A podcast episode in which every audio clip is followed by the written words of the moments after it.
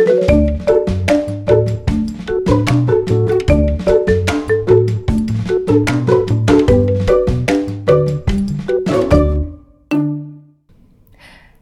och välkommen till Blödigt värre. Idag är jag i Huddinge på Karolinska Universitetssjukhusets centrum för hematologi och regenerativ medicin. Det är lite bullrigt här i lokalerna men då är det bara för att det är så mycket aktivitet som råder här. Regenerativ medicin handlar om att konstruera och byta ut mänskliga celler, vävnader eller organ för att de ska fungera normalt. Och jag har åkt hit för att träffa årets Arosenius-stipendiat. Stipendiet som delas ut av förbundet Blödarsjukas fond Aroseniusfonden varje år för att stimulera forskning om blödarsjuka.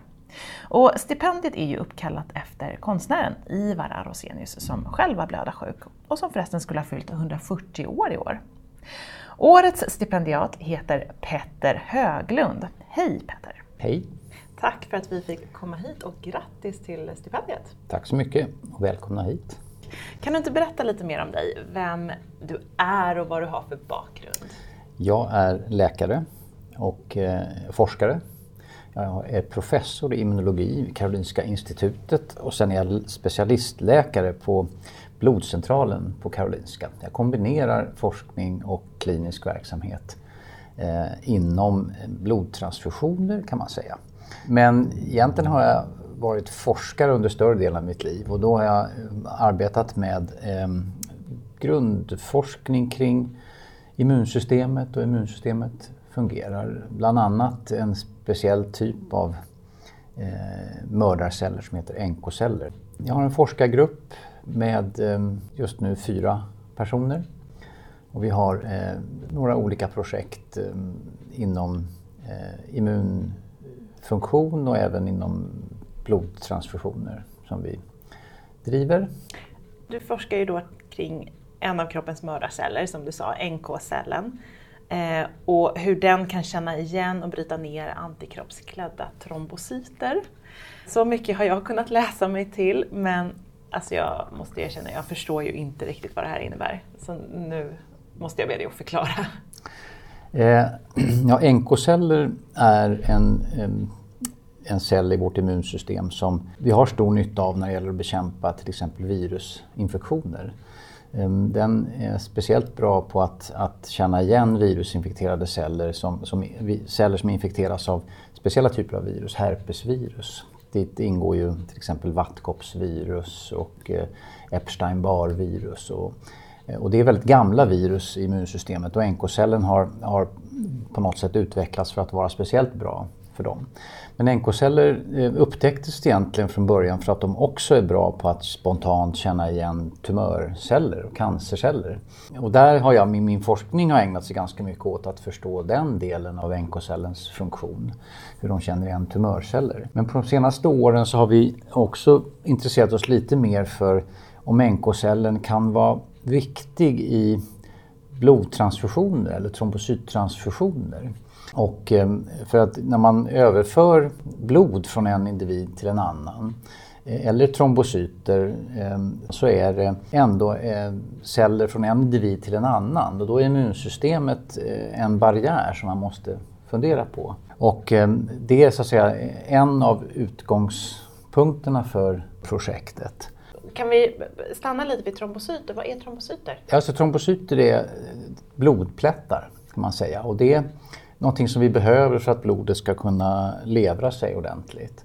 Eh, när man får en, en, skada, till exempel skär sig och blodet strömmar ut. En av de första sakerna som sker är att de här blodplättarna som cirkulerar i, i blodbanan, att de känner igen den skadade vävnaden. Och då, då kan de stanna upp och binda in till det skadade blodkärlet och börja producera ämnen som drar igång hela koagulationssystemet. Så har man låga blodplättar då har man en tendens att, blöda under längre tid. Det tar längre tid innan blodlevringen kommer igång. Så blodplättarna är en väldigt viktig del i, i, i att stoppa blödningar helt enkelt.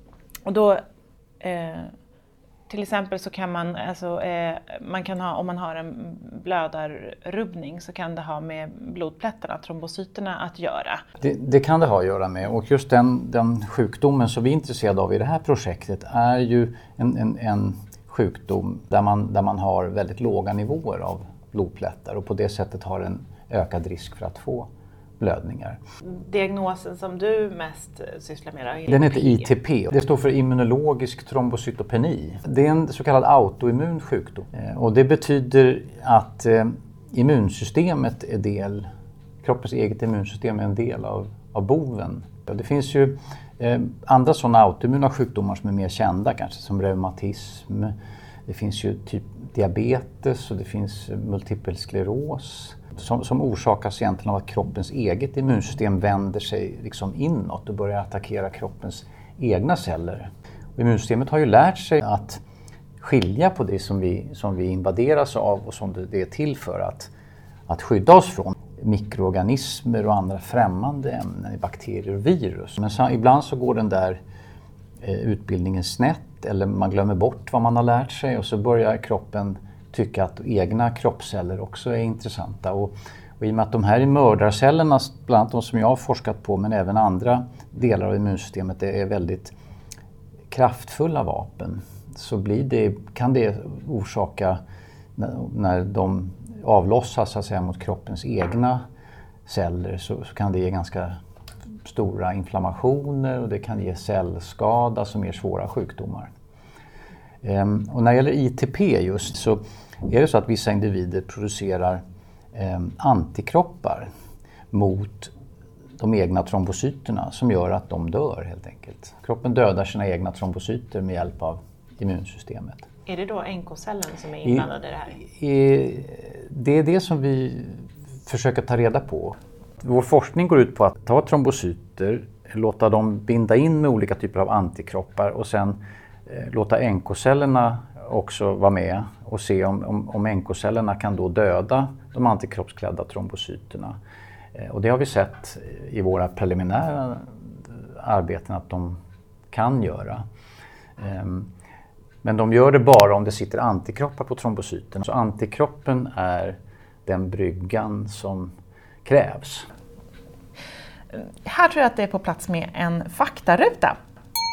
Blödarsjuka är ju en grupp sjukdomar där von Willebrandts är den vanligaste och finns i olika varianter. Mild, medelsvår och svår, typ 1, 2 och 3.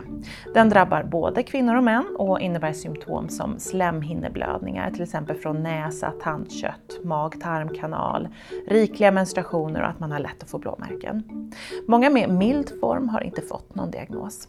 Vid svår form kan man få samma symptom som vid hemofili, alltså led och muskelblödning förgiftningar.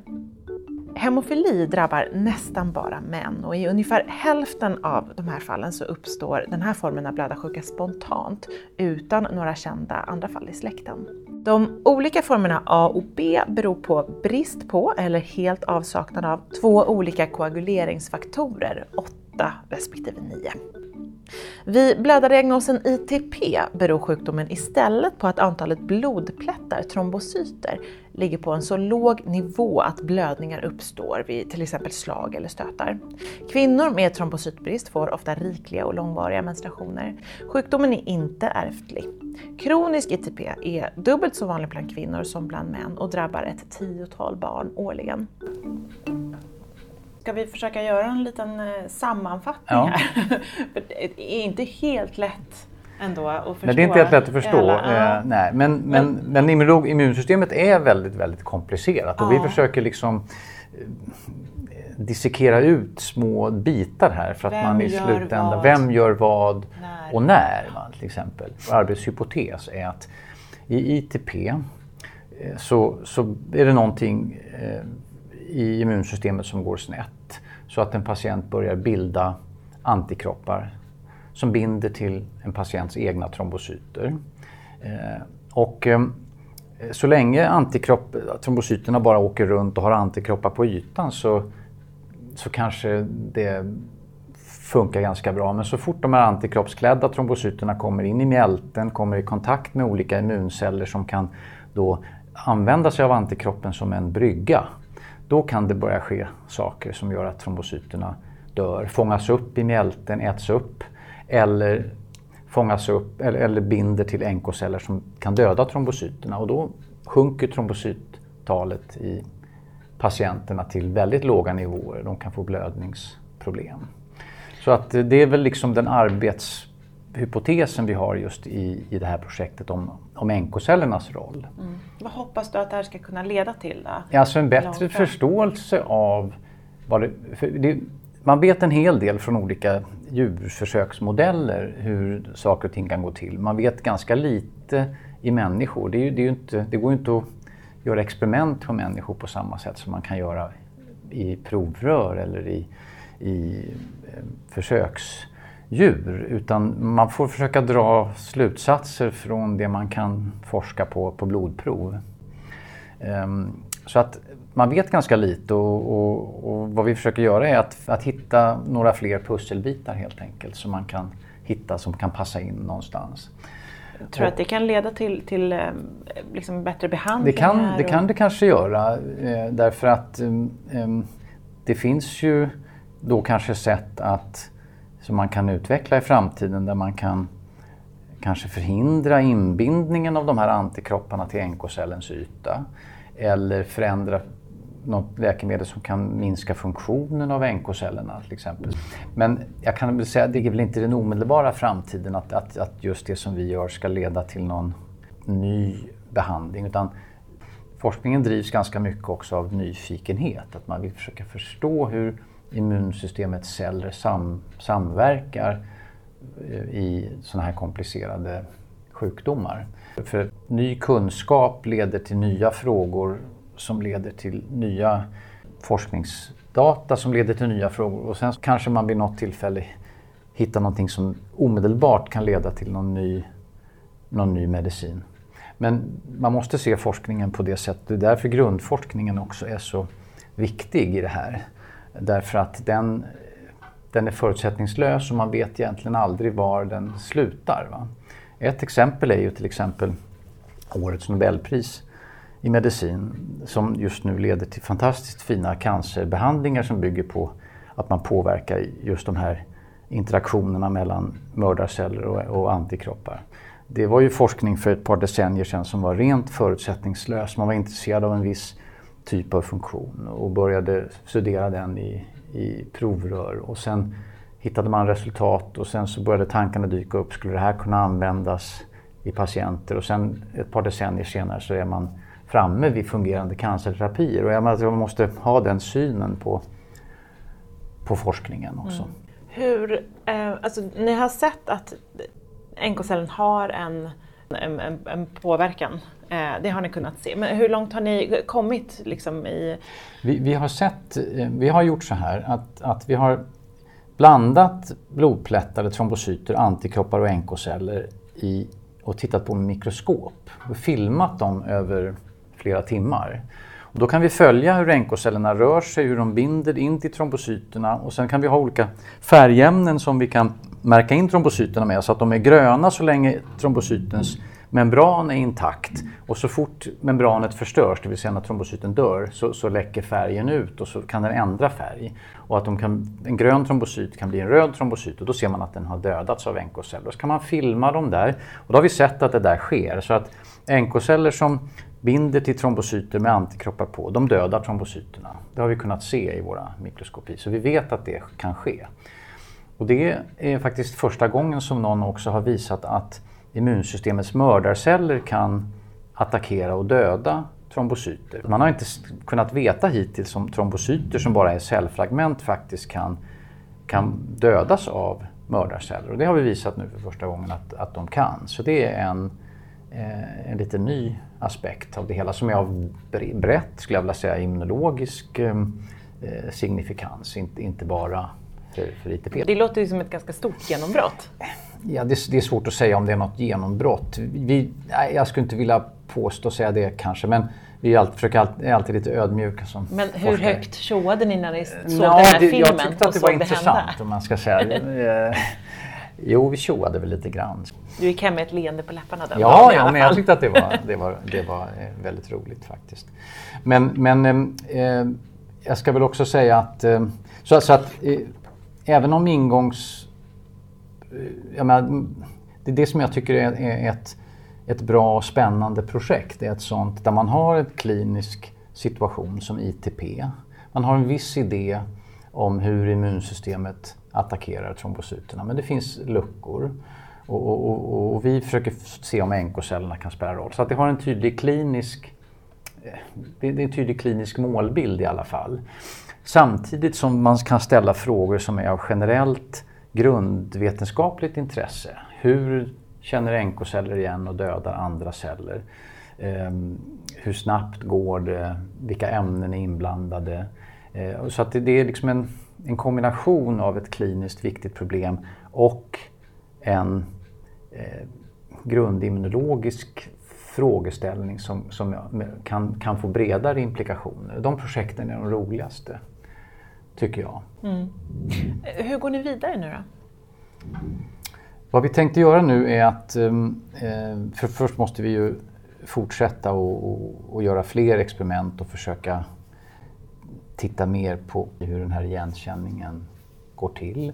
Vi har mest data hittills på NK-celler och trombocyter från friska som vi har blandat. Alltså vi har ju inte tittat, vi har inte börjat studera patienter med ITP ännu. Så att vad jag tänk, tänkt mig att vi ska göra nu är att, att isolera NK-celler till exempel från patienter med ITP och isolera blodplättar eller trombocyter från patienter med ITP. Och sen kan man fråga sig, kan en, en NK-cellerna och trombocyterna från en patient med ITP också bete sig på det här sättet? Sen har vi också eh, i det här projektet, jag jobbar ju ganska nära de hematologer, bloddoktorerna. Alltså jag är ju bloddoktor på ett sätt också på blodcentralen men jag har inte hand om patienter med den här typen av sjukdomar. Men jag har just på HERM avdelningen där jag har min forskning så finns det många hematologer Hematologi och regenerativ Precis, medicin. så där finns det många hematologer som jobbar med alla möjliga blodsjukdomar.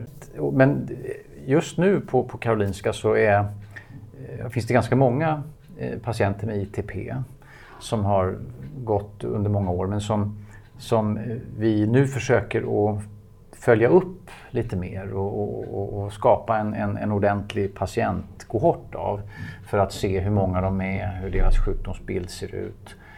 Um, och vad vi tänkte göra där, um, förutom att försöka karaktärisera den gruppen av patienter lite mer kliniskt, så tänkte vi också undersöka de här patienterna mer i detalj avseende hur deras förekomsten av just sådana här antikroppar de har mot trombocyter. Varför blev du intresserad av just det här området? NK-celler har alltid intresserat mig och försöka förstå vad, vad, vad NK-cellerna vad de har för olika typer av, av, av, roller i kroppen förstås. Men när det gäller just ITP så hänger det faktiskt ganska mycket ihop med min kliniska, mitt kliniska jobb.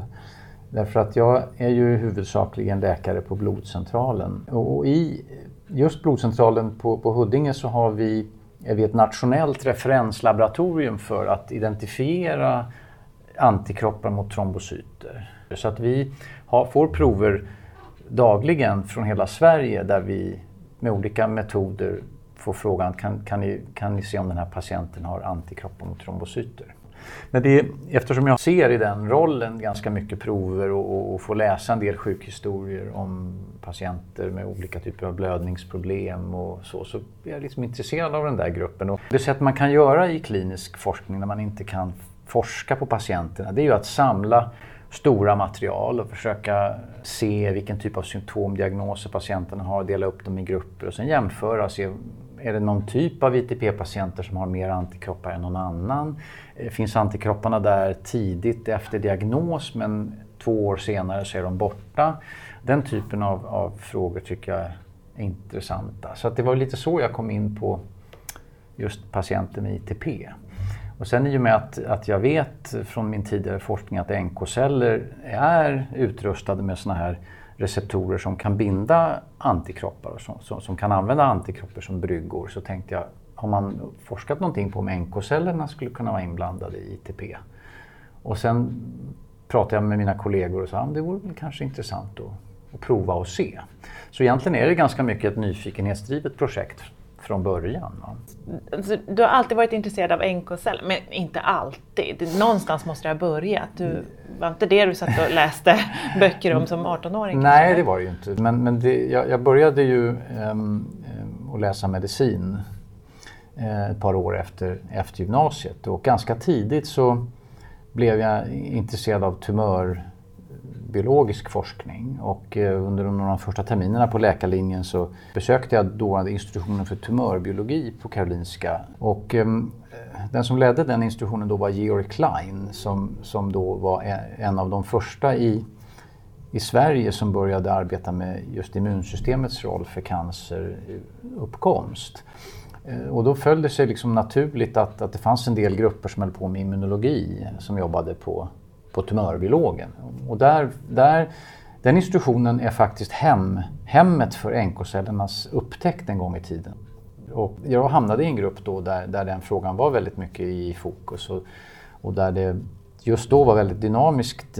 Så att det blev liksom naturligt att, att forska på NK-celler från början och det är ofta så det är faktiskt när man, när man börjar forska. Oftast så, så vill man, är man intresserad av processen av frågorna, av liksom de medicinska problemen och, och, forskningen. Och sen så blir det en miljö som man fastnar för så, så blir man intresserad av det som man gör där. Så ganska mycket är en slump. Då. Men det vanligaste skulle jag vilja säga är att man är intresserad av forskning, man är intresserad av att hämta kunskap och i slutändan utveckla nya mediciner. Och så söker man upp forskningslabb där man tycker att det verkar spännande och dynamiskt och så fastnar man för det de gör där. Det är oftast så och ju mer man lär sig desto mer intressant Ja, sen blir det ju, inser man ju att ju mer man lär sig desto mer intressant blir det och, och desto mer inser man att vad, vad lite man kan. Så att eh, det finns ju otroligt mycket mer, framförallt i människans immunsystem som vi, vi, inte känner till. Vi känner till ganska mycket om musens, som zebrafiskens och bananflugans immunsystem.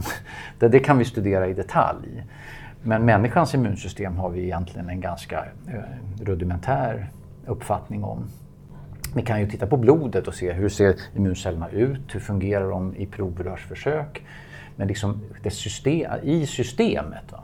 Hur samverkar celler i blodet, i mjälten, i lymfknutorna, i tarmen som är ett stort immunologiskt organ.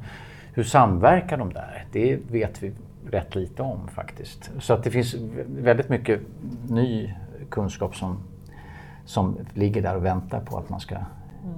eh, så att eh, det är svårt att inte bli fascinerad just av immunsystemet. Och man läser lite grann, som vi var inne tidigare på årets Nobelpris, och, och, och, och man läser på lite grann av de forskarna så, så, så inser man vad både komplicerat eh, men samtidigt aktivt, heter powerful på, på svenska? Kraftfullt. Kraftfullt.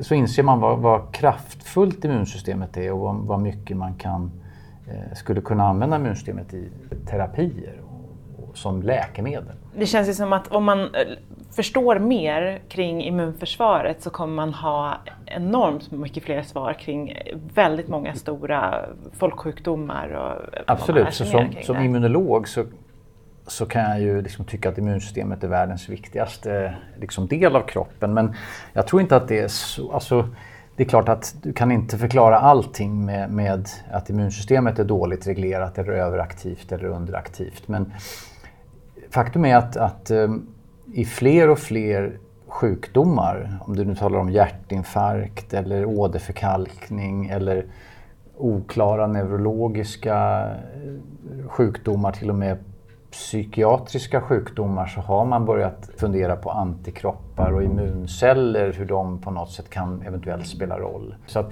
immunsystemet är, tror jag, nog mer kopplat till, till både dåligt och bra välbefinnande generellt. Men där är vi som sagt, har vi långt kvar att förstå. För det ligger lite grann också i immunsystemets natur att det ser olika ut hos alla oss. Alltså tittar man på våra lymfocyter så är de totalt olika. Våra, våra gener som styr immunsystemets utveckling är bland de mest olika generna som vi har. Så att dina immunreglergener ser helt annorlunda ut än vad mina gör. Och det har ju helt evolutionära orsaker. Därför att den, den stora evolutionära eh, ba, eh, kan man säga, samspelet i, i, i människans evolution det är ju med, med, med mikroorganismer som, som då vi kämpar mot hela tiden. Och, och, och det gäller att människan på något sätt eh, kan överleva det.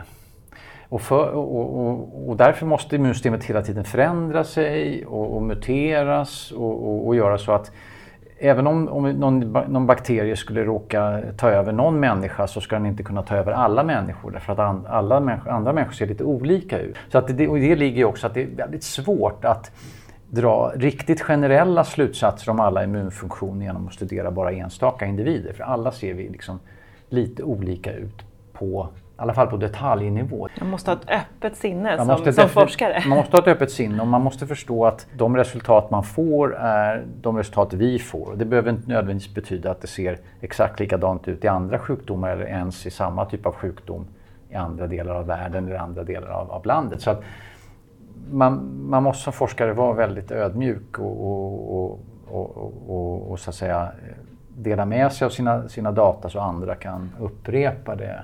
Och, först då blir det liksom en vetenskaplig sanning egentligen. Men, mm. men, så att det ligger lite i immunsystemets natur att det är lite svårforskat. Mm.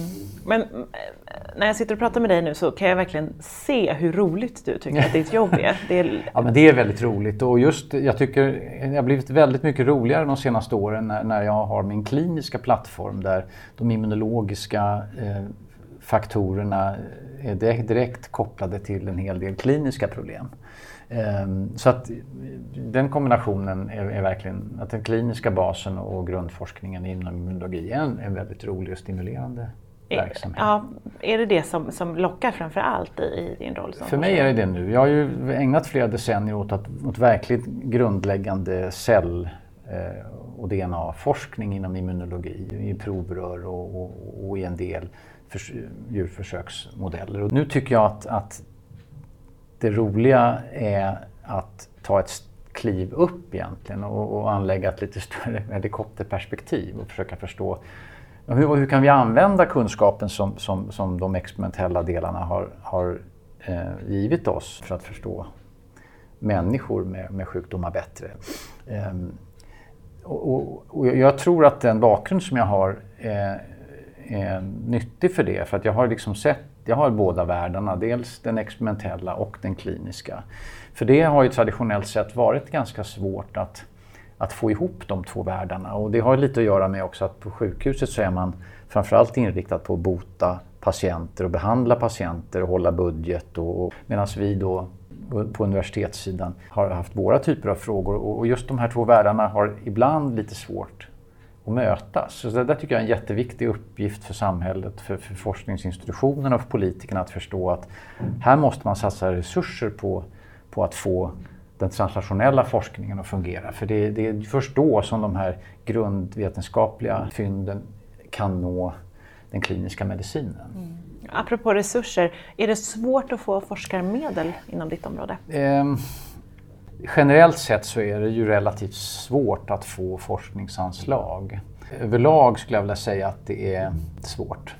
Framförallt för yngre forskare att, att komma in i, i systemet. Men även om man är lite mer etablerad. Framförallt om man, om man så att säga, byter forskningsfält eller, eller börjar intressera sig för någonting som inte är omedelbart kan ge artiklar i de största experimentella tidskriften utan som är mer långsiktigt, som är patientorienterad forskning där, där man inte kan nå samma detaljnivå i resultaten och där, där de publikationer som man kan göra inte kanske väger lika tungt. Men ja, jag skulle vilja, vilja säga att i Sverige har vi väl ingen jättedålig situation. Alltså bra projekt eh, får oftast stöd. Sen, sen, sen får, får, vi oftast inte fullt finansierade projekt utan man får söka stöd från olika håll och, och baka ihop. Men, men, eh, men det är en kamp hela tiden förstås. Mm, mm. Ja. Vad innebär det här stipendiet då? Ja, men det, det, är ju, det var ju väldigt roligt att, få det. Eh, och eh, det, det, innebär ju på något sätt att någon, annan har läst och granskat också och tyckt att det varit spännande och lovande. Och det är inte alltid, bara du? Nej, men inte bara jag som sitter på min kammare och tycker att det här var ett fantastiska resultat utan även granskare och bedömare som har tyckt att ja, det här låter ju spännande och så. Så att det betyder ju mycket och, och, och, och pengarna i sig eh, kan användas då för att till exempel frigöra tid för att titta igenom journaler, leta upp de här ITP-patienterna eller att göra eh, en, en, ökad serie av antikroppsanalyser till exempel. Eller att, att finansiera några fler mikroskopianalyser. Allt, allt kostar ju pengar. Eh, så att alla pengar är jätte, jättenödvändiga och jätteviktiga pengar. Mm. Så att det här, det här Arvseniusfonden ska ha ett stort tack för, för, för, pengarna. De kommer verkligen att komma det här projektet till, till del, till god del. Tack eh, så jättemycket Petter för att vi fick komma och prata med dig och lycka till nu. Tack så mycket. I nästa avsnitt träffar jag Pia Petrini som jobbat många år på Barnkoagulationscentrum på Astrid Lindgrens barnsjukhus. Hon ska samtala med en mamma som har två killar med blödardiagnos och som oroar sig lite för hur det ska funka när de blir lite större och ska börja ta mer ansvar för sin medicinering själva. Det lär bli många goda råd. Så om du inte redan nu prenumererar, gå in och gör det nu i din poddapp så att du inte missar nästa avsnitt av Blödigt värre. Podden som görs i samarbete med CSL Bering av mig och producent Estrid Bengtsdotter. Det här var förresten det fjortonde avsnittet och känner du att du har missat något av dem tidigare så går det förstås bra att gå in och lyssna även på dem. Det finns avsnitt om allt från forskningsläget och hur man ska tänka kring resor och träning till vad det innebär att ha en blödardiagnos som menstruerande kvinna. Där finns också avsnittet med förra årets Arosenius-stipendiat med mer information om konstnären som ligger bakom fondens namn också. Och vill du komma i kontakt med oss så är det bara att mejla på redaktionen.sverige.cslbering.com Alltså redaktionen.sverige.cslbering.com och Bering stavas B-E-H-R-I-N-G. Hej då!